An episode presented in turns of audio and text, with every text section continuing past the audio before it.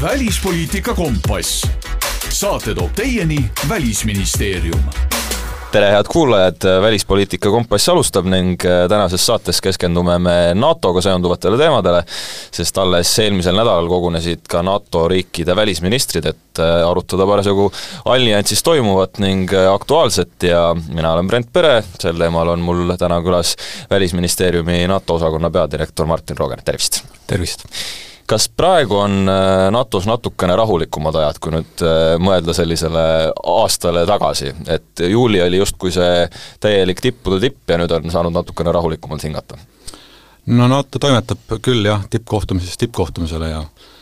viimasel ajal on tippkohtumisi toimunud äh, kord aastas, et tegelikult see NATO jaoks on päris tihe, et siin varasematel aastatel võib-olla toimusid nad isegi natuke harvemini, kuid pärast suurt sõda Venemaa sõda siis Ukrainas on nad toimunud äh, iga-aastaselt äh,, nii toimus ka siis viimane juuli Vilniuses ja sihikule on võetud juba järgmine tippkohtumine, järgmine, järgmise aasta juulis Washingtonis. aga kokkuvõttes, äh, kuna on toimumas Vene täiemahuline agressioon, siis ei saa öelda, et istutakse käed rüpes, et kokkuvõttes need välisministrite kohtumised on samamoodi selline, selline selline hetkepildistuse tegemine nii-öelda liitlaste positsioonide kooskõlastamine ja sihiku seadmine eelolevaks tippkohtumiseks, et see Washingtoni tippkohtumine tegelikult oli, tegelikult oligi see äh, peamine teema ja loomulikult ka Ukraina toetamine, Vene agressioonile vastuseismine, et Ukraina sai tegelikult väga palju tähelepanu nii et põhimõtteliselt praegu iga kohtumine, mis on, siis on äh, otsapidi ikkagi seotud see selle suure tippkohtumisega, mis viimasel ajal korra aastas vähemalt toimub? nii on jah, see oli siis selle kokku, kokkuvõttes toimus kolm sessiooni sellel välisministrite kohtumisel ja see oli sellele esimese sessiooni ja peamise sessiooni nagu põhiteema. Kuidas muidu on, kas praegu NATO koridorides on ikka põhiline teema see, et millal ometi see Rootsi nüüd äh, alliansi saab? jah, ütleme nii, et, et ka Eesti välisminister alustas äh, liitlastevahelist arutelu, kus oli ka kutsutud, kutsutud riik, see nii-öelda NATO žargoonis on siis Rootsi tänasel päeval, äh, see, et, et väl-, väljendati äh, kahetsust, et Rootsi ei ole nii-öelda laua taga kui teie õigus, teie õiguslik liitlane, et see sõnum sai äh, saadetud väga-väga äh, suure enamuse äh, liitlaste poolt ja ja meie soov ja, ja lootus on, et see jõuaks lõpuni võimalikult rit-, ruttu, see rati-, ratifitseerimisprotsess kahes järelejäänud liitlasriigis, ehk siis Türgis ja Ungaris. Välisministril oli kahepoolne kohtumine ka Türgi välisministriga, kus ta sama sõnumit edastas ja ja Türgi välisminister meenutas, et Türgi valitsus on, on siis äh, Türgi parlamendile ratifitseerimisinstrumendi saatnud ja see on nüüd praegu parlamendi arutusel. et loomulikult äh, Rootsi liitumine on, on kasulik Rootsile ja on kasulik meile, regioonile, tegelikult loomulikult kogu alliansile tervikuna nii et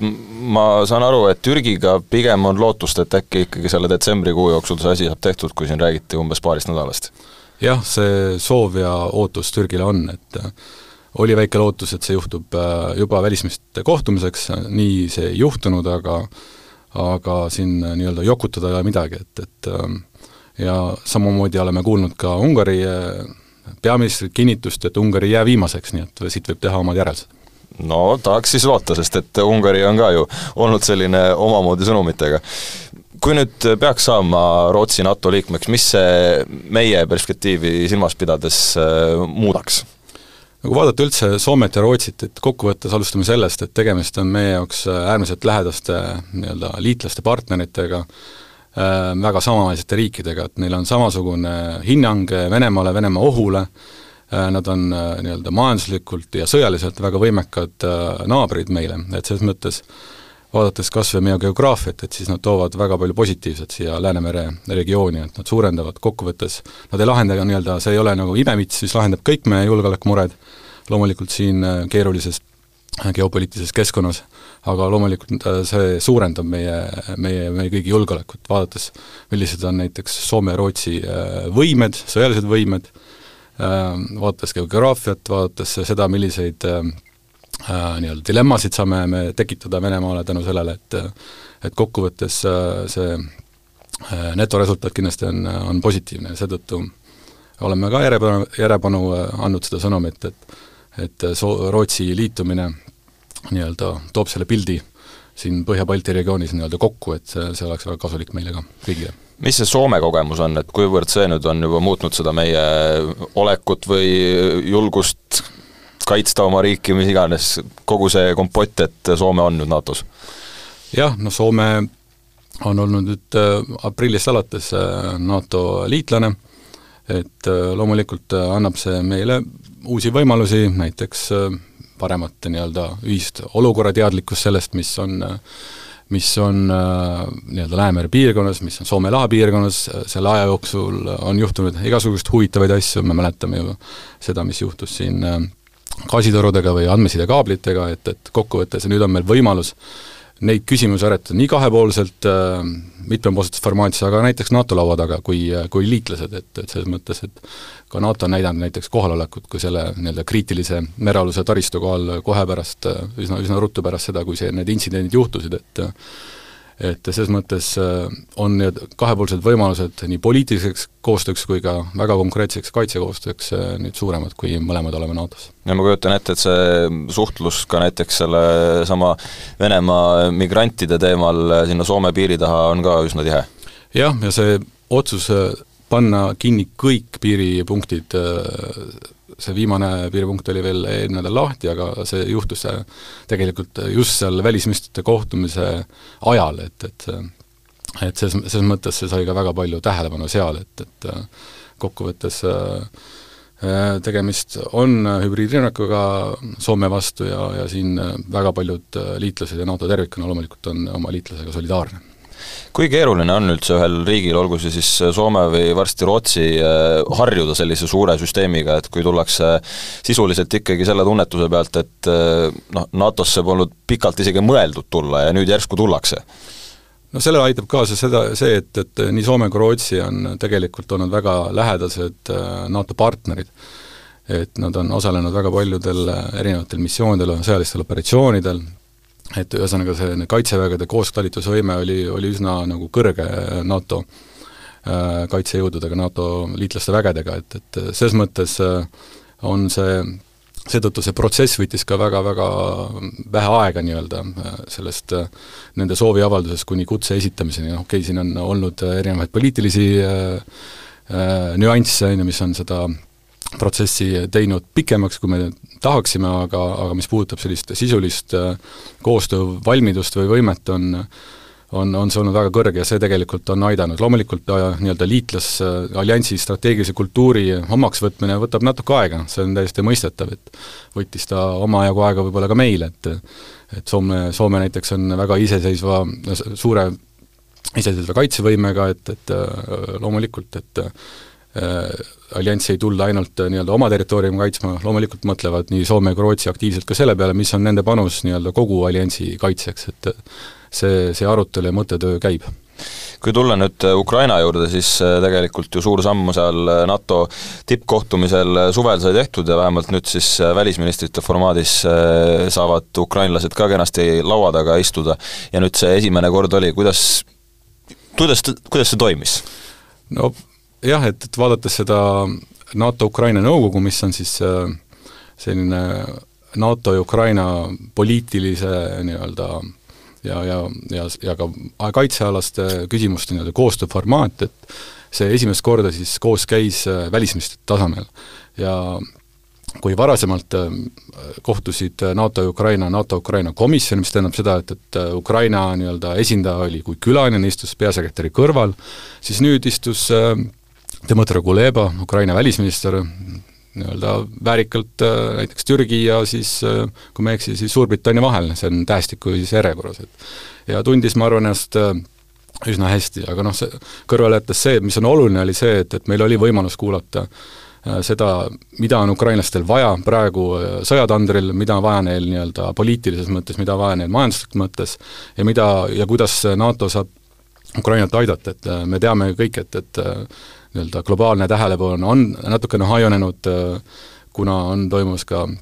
sõda Lähis-Idas, aga mis on, mida ma saan öelda, olles kuulnud nüüd neid erinevaid debatte eelmine nädal Brüsselis, on see, et, et Ukraina sai väga palju tähelepanu ja see fookus oli sellel, et, et kuidas et nii-öelda liitlased on kindla, kindlameelsed Ukraina toetamisel, Vene ohtu võetakse tõsiselt, et selles mõttes ei oli, oli see sõnum üsna selge. loomulikult Ukraina seisab silmitsi karmi talvega, me peame mõtlema selle, kuidas kaitsta näiteks Ukraina tsiviiltaristust, eriti energiataristut Vene rünnakute eest, me peame mõtlema selle peale, kuidas järgmine võimalik Ukraina nii-öelda ofensiiv oleks edukas, edukam kui võib-olla see viimane, mida on selleks vaja, millist sõjalist abi on vaja, millest väljaõpet on vaja, kõik need teemad olid loomulikult laual ja arutasime ka seda, et, et mis võiks olla need äh, nii-öelda tulemid äh, Ukrainale siis Washingtoni tippkohtumisel, et mis on nagu selge, on see, et, et äh, see teekond on nüüd nagu paigas, et mis me Vilniuses ütlesime, ütlesime, et Ukraina tulevik on NATO-s ütlesime seda, et Ukraina seda on väga palju reforme teinud ja teevad edasi ja me toetame neid, et äh, nüüd ukrainlased esitasid äh, NATO-le sellise põhjaliku äh, omapoolse reformipaketi, meie omalt poolt andsime neile soovitusi, millised, millistele reformidele siis keskenduda, samamoodi nähakse palju vaeva selle nimel, et et see koostalitusvõime, koostegutsemisvõime Ukraina siis kaitsejõudude ja ja NATO vahel oleks võimalikult kõrge. et ühesõnaga, et kokkuvõttes, et Ukraina nii-öelda väga praktiliste sammudega järk-järguliselt tuleks üha lähemale äh, NATO-le, et, et selles mõttes äh, need raamistikud on olemas, nüüd tuleb seda lihtsalt kasutada võimalikult äh, laias mahus. Nii et äh, selle suvise kriitikute vastusena siis saab öelda, et need, kes ütlesid, et äh, NATO ei teinud piisavalt Ukraina liikmeks võtmisel või vähemalt selle teekonna arendamisel, siis äh, vähemalt see välisministrite formaat juba näitas, et siiski asjad liiguvad ja ei maksa siin nii, nii väga midagi kurjustada. Kõik see võtab aega, eks ta võttis aega ka meie puhul, loomulikult on olukord noh, selles mõttes väga teistmoodi, et Ukraina on sõjas, aktiivselt käib ju äh, Venemaa agressioon Ukraina vastu, et kõik see loob loomulikult oma, oma konteksti, aga mis on oluline, on see strateegiline sõnum äh, agressorile, et see, et, et see protsess on tagasipöördumatu. Ukraina tulevik on NATO-s ja me jääme kindlameelseks, et see teekond, ma võrdleksin, ma käisin just eile suusatamas, ma mõtlesin, vaatasin neid sügavaid klassika jälgu, jälgi, et et, et me oleme nagu need jäljed üsna korralikult äh, sisse tõmmanud sinna äh, rajale ja, ja meil on ka nii-öelda finišiliin selge, et nüüd on oluline see, et, et, et see liikumine toimuks ja, ja ukrainlasi sellel teekonnal abistatakse, et see see, see tahe väga erinevate liitlaste pool oli, oli väga selgelt tunda, et et jah, et, et Ukraina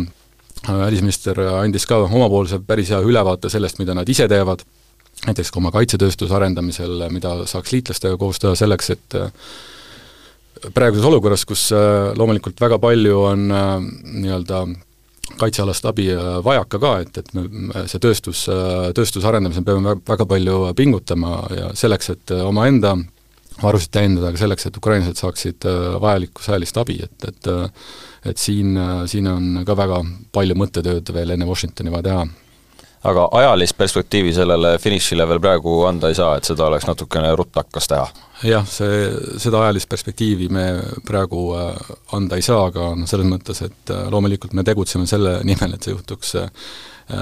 pigem varem kui hiljem, et, et kokkuvõttes me peame ise ka aru saama sellest, et selleks, et kui me ütleme, et jah, et väga raske, sõjaline aktiivne sõjategevus, aga noh, see ka lääs peab mõistma seda, et, et selle sõjategevuse Vene agressiooni lõpetamisel on tegelikult läänel väga, väga suur roll, et loomulikult verd valab ja võitleb Ukrainas, ukrainlased ise, aga, aga nad võitlevad ka tänu meie, meie sõjalisele abile, meie majanduslikule abile, meie poliitilisele abile ja ja seetõttu on meie meie huvides ja meie, meie roll on siin päris suur, kui kiiresti see sõda võidukalt siis Ukraina jaoks lõpetada et, et siin, siin me teeme loomulikult seda selleks, et, et Ukraina saaks taastada oma oma riikluse, oma kontrolli oma territooriumile, aga loomulikult see meie, meie kui eurooplaste, meie kui Atlandi-ülese kogukonna, meie endi huvides samamoodi, et, et et siin on väga, väga, väga selgelt ka meie endi huvid mängus. seda rõhutasid väga mitmed liidrid sõltumata sellest, kas nad on siin Venemaa läheduses või, või, või veidi kaugemal geograafiliselt kui mõelda selle Ukraina sõjalise abi peale, siis äh, alates sõja, täiemahulise sõja algusest on pikalt juttu olnud sellest, et kõigepealt räägitakse, et üks asi on kindlalt välistatud, siis see lõpuks lubatakse, teine asi on välistatud, siis see lõpuks lubatakse ja nii edasi ja nii edasi. kas lähiajal võiks olla mingisugust perspektiivi, mis nüüd järgmisena võiks äh, olemas olla Ukrainale ja mida seda, seni on väga tugevalt välistatud? no ma ei ole kaitseväelane, aga nii palju, kui ma ohvitsere olen kuul-, kuulanud tähelepanelikult, siis noh, ei ole ühte, üks relvasüsteem üksikuna ei ole nagu võluvits, et äh, siin on äh, loomulikult nad toimuvad äh,, toimivad koostoimes, et äh, no mis praegu toimub, on ju see lääne hävitajate F-kuusteist Ameerika hävitajate noh, vastav koolitus, äh, siin on äh, mitmed riigid võtnud juhtrolli koolitustegevust, kui ma ei eksi, toimub Rumeenias, et et see kindlasti panustab sellesse, et, et Ukrainast saaksid äh, lahinguväljal ennast äh, kindlamalt tunda ja, ja nende sõjaline võimekus äh, paraneks, aga aga, aga loomulikult, et siin on, see on kombinatsioon erinevatest vajadustest, mis puudutab laskemoona, mis puudutab erinevaid relvasüsteeme, mis puudutab, ma ei tea, droone, droonivastast võitlust, elektroonilist lahing äh,, lahingupidamist, et, et et, et see on väga-väga erinevad vajadused Ukrainal kuidas koridorides on, koridorides on, kas on ikka NATO üleselt kogu see toetus samal määral olemas Ukrainale, mis äh, ta oli näiteks aasta aega tagasi või on siiski nüüd vaja juba teha seda põhjalikku selgitustööd, et palun nüüd ärme lase asjadel omasoodu minna? Iseenesest see arusaam sellest, et Ukrainat on vaja toetada ja, ja mis on vaja, on olemas, teine asi on see, et millised on meie, meie reaalsed võimed äh, antud hetkel, et, et kas meil on piisavalt oma varudest, kas pii-, kas tööstus on piisavalt kiiresti kaasa tulnud, see on see tõeline väljakutse. Mis kokkuvõttes noh, ei tasu langeda nii-öelda selline enesehaletsuse lõksu, et, et kokkuvõttes vaadata seda, et, et tegelikult nii see Rammsteini koalitsioon või Euroopa Liit äh, eraldiseisvalt näiteks, et me oleme märksa sõja, noh, nii-öelda poliitiliselt, majanduslikult ja tegelikult kokkuvõttes ka sõjaliselt äh, noh, tugevamad kui, äh, kui on Venemaa. See küsimus on selles, et kuidas me kanaliseerime seda sõjalist majanduslikku poliitilist jõudu siis oma kaitse, enda kaitsesse ja, ja Ukraina abistamisse, et, et see on koht, kus me peame märksa-märksa kiiremini toimetama selleks, et olla ise valmis ja, ja abistama ka Ukrainat siin hiljuti USA Euroopa vägede endine juht Ben Hodges ütles ERR-ile, et et ega see USA abi pole ka olnud nüüd ikkagi piisav Ukraina toetamisel ja võinuks rohkem, võinuks ka praegu rohkem ja nii edasi, et miks siis ei anta või kust siis puudu jääb? no praegu, nagu me näeme Ameerikas endas kongressis on äh, käimas väga aktiivsed arutelud selleks, et äh, anda täie-, täiendavat majanduslikku ja sõjalist äh, abi Ukrainale, see on nüüd Ameerika enda sisepoliitika kätkes natukene, et me lo-, tõesti loodame, et, et aasta lõpuks see abipakett heaks kiidetakse, et no siin on erinevaid äh, põhjusi äh, välja toodud, et äh, loomulikult üks asi on see, et mis, kui kiiresti toimub mingisugune väljaõpe ja nii edasi, nii edasi, et, et ma võib-olla ei ole kõige õigem inimene neid konkreetseid spetsiifikaid hindama ja või alguses oli see, et kuidas hinnati üldse sellise relva, mõne relvasüsteemi äh, nii-öelda eskalatsiooniastet, et siin äh, olid ka ju algul erinevad hinnangud, et, et kokkuvõttes jah, loomulikult äh, tagasi vaadates võib öelda mõnda asja, mõnda relvasüsteemi oleks võinud anda võib-olla kiiremini ja nii edasi ja nii edasi, et äh, aga aga kokkuvõttes on oluline siiski meie erinevate otsuste kaudu anda see teatud ennustavus äh, ukrainlastele et äh, mis abistab neid ka teatud äh, noh, sõjalisel planeerimisel, et, et, et, äh, et see toetus ei katke ja millist, milliseid nii-öelda sõjalisi võimeid nad, nad saavad liitlastelt ehk või partneritelt ja nii edasi, nii edasi, et, et kokkuvõttes eks sõdurid kaevikutes tegelikult nad loevad ka neid rahvusvahelisi uudiseid ja ja siin näiteks on väga oluline ka loomulikult see, millest äh, siin podcastis varasem, varasemaltki on räägitud, et see, mis toimub nüüd paari nädala pärast Brüsselis, on Euroopa Ülemkogul, et äh, kõik see on mingil määral seotud, et äh, kui Euroopa Liit suudab teha otsuse alustada li-, liitumisläbirääkimisi, kui me suudame teha otsuse, et anda pikaajalist nii-öelda majanduslikku äh, finantsabi Ukrainale, siis tegelikult see kõik aitab ka ukrainlaste võimet sõda pidada, et, et kui nad teavad, et äh, sõduritel on palk makstud, õpetajatel palk makstud ja nii edasi, nii edasi no küllap on äh, nii needsamad sõdurid mõtlemas kui ka Välisministeeriumis on äh, mõeldud selle peale, et mis saab aasta pärast, siis kui on ära toimunud äh, USA presidendivalimised ja võib-olla ei ole enam demokraadid seal nii-öelda presidendi rollis näiteks ja tulevad sinna vabariiklase tasemele. kas siis võib see Ukraina abi siiski jääda väiksemaks või mis need sellised tunnetuslikud pealevaatamised praegu on? no me keskendume selle, mis on nagu noh, võimalik ja, ja loomulikult äh, meie töö on äh, selgitada nii-öelda Ameerika äh, nii-öelda valitsusstruktuurides laiemalt, olgu see siis nii-öelda täidesaatv või kongressis, avalikkuses, mõttekodades, ajakirjanduses, seda, et, et Euroopa ei ole kindel, kui Ukraina ei ole kindel ja, ja Ameerika ei ole, julgeolek ei ole kindel, kui Euroopa julgeolek ei ole kindel, me kõik oleme siin nagu nii-öelda Atlandi-üleses äh, peres üksteisest väga-väga sõltuvad, et kokkuvõttes on sellel ka siirded äh, globaalsele julgeolekule ja, ja, ja, ja neile faktorite, mis on äh, võib-olla Ameerikas siin kõige akuutsemalt tähelepanu all, et et seda, seda selgitustööd tuleb teha sõltumata sellest, kes Ameerikas võimul on, et äh, loomulikult äh, me töötame iga USA administratsiooniga, et äh, meil on olemas kogemus näiteks president Trumpi administratsioonist, et NATO jätkas tegevust ja näiteks ukrainlastele anti surmavat relvastust tol ajal ka, et, et ei tasu nagu laskuda sellise enesehalletsuse või heitunud olekusse, vaid, vaid tuleb natukene planeerida erinevaid stsenaariume ja, ja, ja nii-öelda kohaneda, et meil muud midagi üle, üle ju ei jää, et kokkuvõttes mis me siis teeme, kokkuvõttes on ju meie julgeolek, selle nimel tuleb äh, tegutseda me pole sellest äh, palju rääkinud, põgusalt sai mainitud, aga lõpetuseks, äh, kuivõrd see Iisraeli ja Hamasi konflikt praegu on neid tähelepanupunkte enda peale võtnud, näiteks võrreldes Ukrainaga või mis roll seal üldse NATO-l on? no NATO tegelikult ei ole selline aktiivne nii-öelda tegija või, või, või, või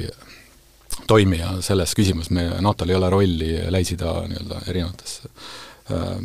konfliktküsimustes ajaliselt olnud, ei ole ka täna, ja noh, loomulikult kui ministrid, välisministrid saavad kokku, siis äh, kui on mõni akuutne kriis, äh, mis mõjutab äh, loomulikult see, mis toimub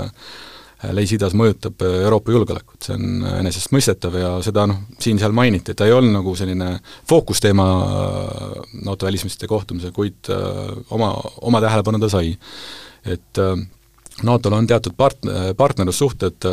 teatud Lähis-Ida riikidega, nagu näiteks Jordaaniaga, et, et kus me siis aitame ka natuke nende julgeolekusektorit tugevdada, aga NATO kui organisatsioon ei noh, nii-öelda aktiivset rolli seal äh, Äh, selles küsimuses ei oma, aga, aga mõistagi on, on arusaadav, et, et, et äh, akuutne kriis, äh, poliitiline tähelepanu, poliitiline tähe, tähelepanu on äh, piiratud ressurss, et, et äh, eks siin omad äh, mõjud on olnud, aga aga seetõttu oligi see välis, välisministrite kohtumine möödunud nädalal oluline, et, et ta ikkagi andis sõnumeid nii, nii meie enda avalikkusele, meie enda kodupublikutele liitlasriikides, Ukrainale, aga ka Venemaale seda, et, et, et me ei väsi, me ei tohi väsida ja, ja meie poliitiline sõjaline ja majanduslik ressurss on siiski suunatud äh, Ukraina abistamisele, et, et see on meie kõigi huvides.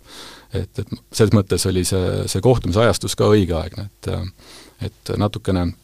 natukene seda nii-öelda kindlameelsust, enesekindlust äh, siis äh, väljapoole suunata ja sõnumeid saata. Martin Roger, suur tänu täna stuudiosse tulemaks, tulemast ja jõuludeks siis äh, saab soovida Rootsit NATO-sse! Rootsi NATO-sse, aitäh! Välispoliitika kompass. saate toob teieni Välisministeerium